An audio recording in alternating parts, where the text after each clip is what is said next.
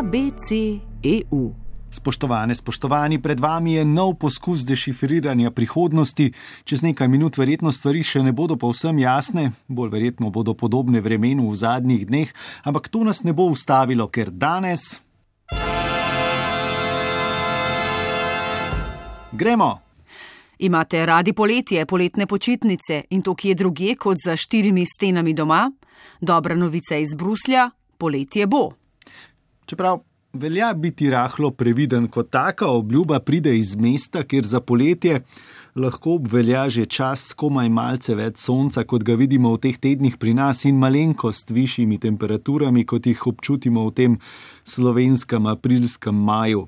In če poletje napoveduje politika, se je vendarle dobro vprašati, kaj točno ima s tem v mislih. Ja, digitalno zeleno potrdilo. Kdor je v minulih dneh sledil novicam, da je bil med državami članicami in Evropskim parlamentom dosežen dogovor o digitalnem zelenem potrdilu, je lahko na več mestih naletel na opasko, da se s tem dokumentom rešuje poletje, poletna turistična sezona.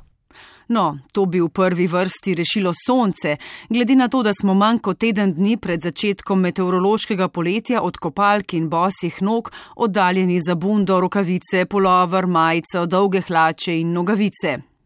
Toliko o vremenu. Po časovni lestvici snovalcev digitalnega zelenega certifikata pa smo od poletja oddaljeni približno mesec. Dokument naj bi namreč zaživel do konca junija.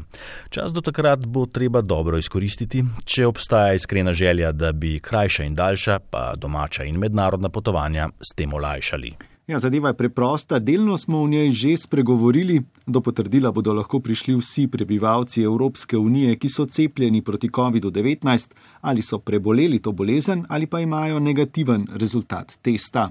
Pravzaprav bodo to tri različna potrdila, opremljena s tako imenovano QR kodo, lahko bodo v digitalni obliki ali pa preprosto natisnjena na papir. Da zadeva vendarle ne bi bila preveč preprosta, pa bodo članice lahko uvajale dodatne omejitve, karanteno, samoizolacijo, testiranje, če bodo presodile, da je to potrebno za zaščito javnega zdravja. Bo hitri antigenski test dovolj? Ja, tudi ta odločitev bo prepuščena posameznim državam.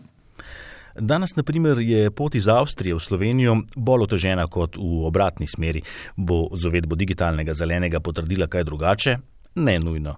Še vedno, če ste bili cepljeni šele enkrat s cepivom, ki terja, da rokav zavihate dvakrat, boste v nekatere države Unije potovali lažje kot v druge. Veliko opozoril smo slišali, da je treba storiti vse, da ne bi bilo diskriminacije. Nekdo, ki se je vse čas pazil, ostal zdrav, bi moral zdaj za prehajanje meje opraviti molekularni test in sistem svoje potovanje v eno smer podražiti tudi za več kot 100 evrov. Dana je zaveza, da bo Evropska komisija prek 100 milijonov davkoplačevalskih evrov namenila lažji oziroma cenejši dostopnosti za teste, zlasti za tiste, ki morajo pogosto prečkati meje. Ja, ko omenimo poslance Evropskega parlamenta. Če bo šlo vse po načrtih, bi morali ti o digitalnem zelenem potrdilu glasovati na prvem junijskem plenarnem zasedanju čez približno dva tedna. In to naj bi opravili v Strasburu, kjer je tudi sedež Evropskega parlamenta. No, bolje rečeno, že več kot eno leto izpraznjen sedež. Zdaj naj bi v novič odprl vrata, a vrveža po hodnikih in razpravnih dvoranah vendarle še ni pričakovati, še vedno bo večji del seje tekel prek audio-video povezav. V Strasburu po 21. uri še vedno velja policijska ura, namestitvene kapacitete pa delujejo v omejenem obsegu. Najbrž ne z poslovnega, ne zasebnega vidika ni prav mikavno, da bi se moralo kar precej tistih, ki se bodo ali bi se odeležili zasedanja po vrnitvi iz Francije v Belgijo, umakniti v karanteno. Potem korona letu se je izkazalo, da je vse parlamentarno delo mogoče opraviti iz bruselskega sedeža Evropskega parlamenta, ampak pustimo zdaj to, se temu potojočemu cirkusu zagotovo posvetimo kdaj drugič.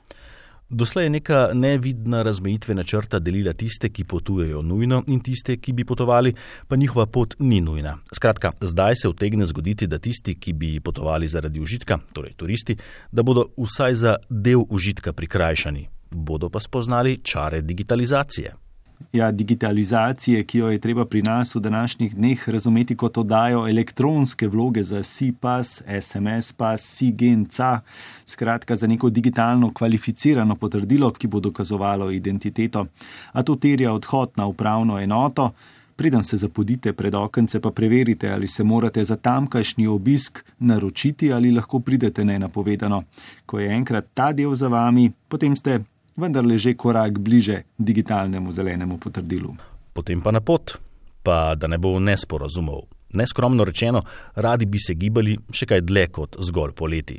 Vedno in povsod. No, razen morda z nizkocenovcem iz Aten v Vilno z nenačrtovanim umestnim postankom. Ampak o tem več prihodnič.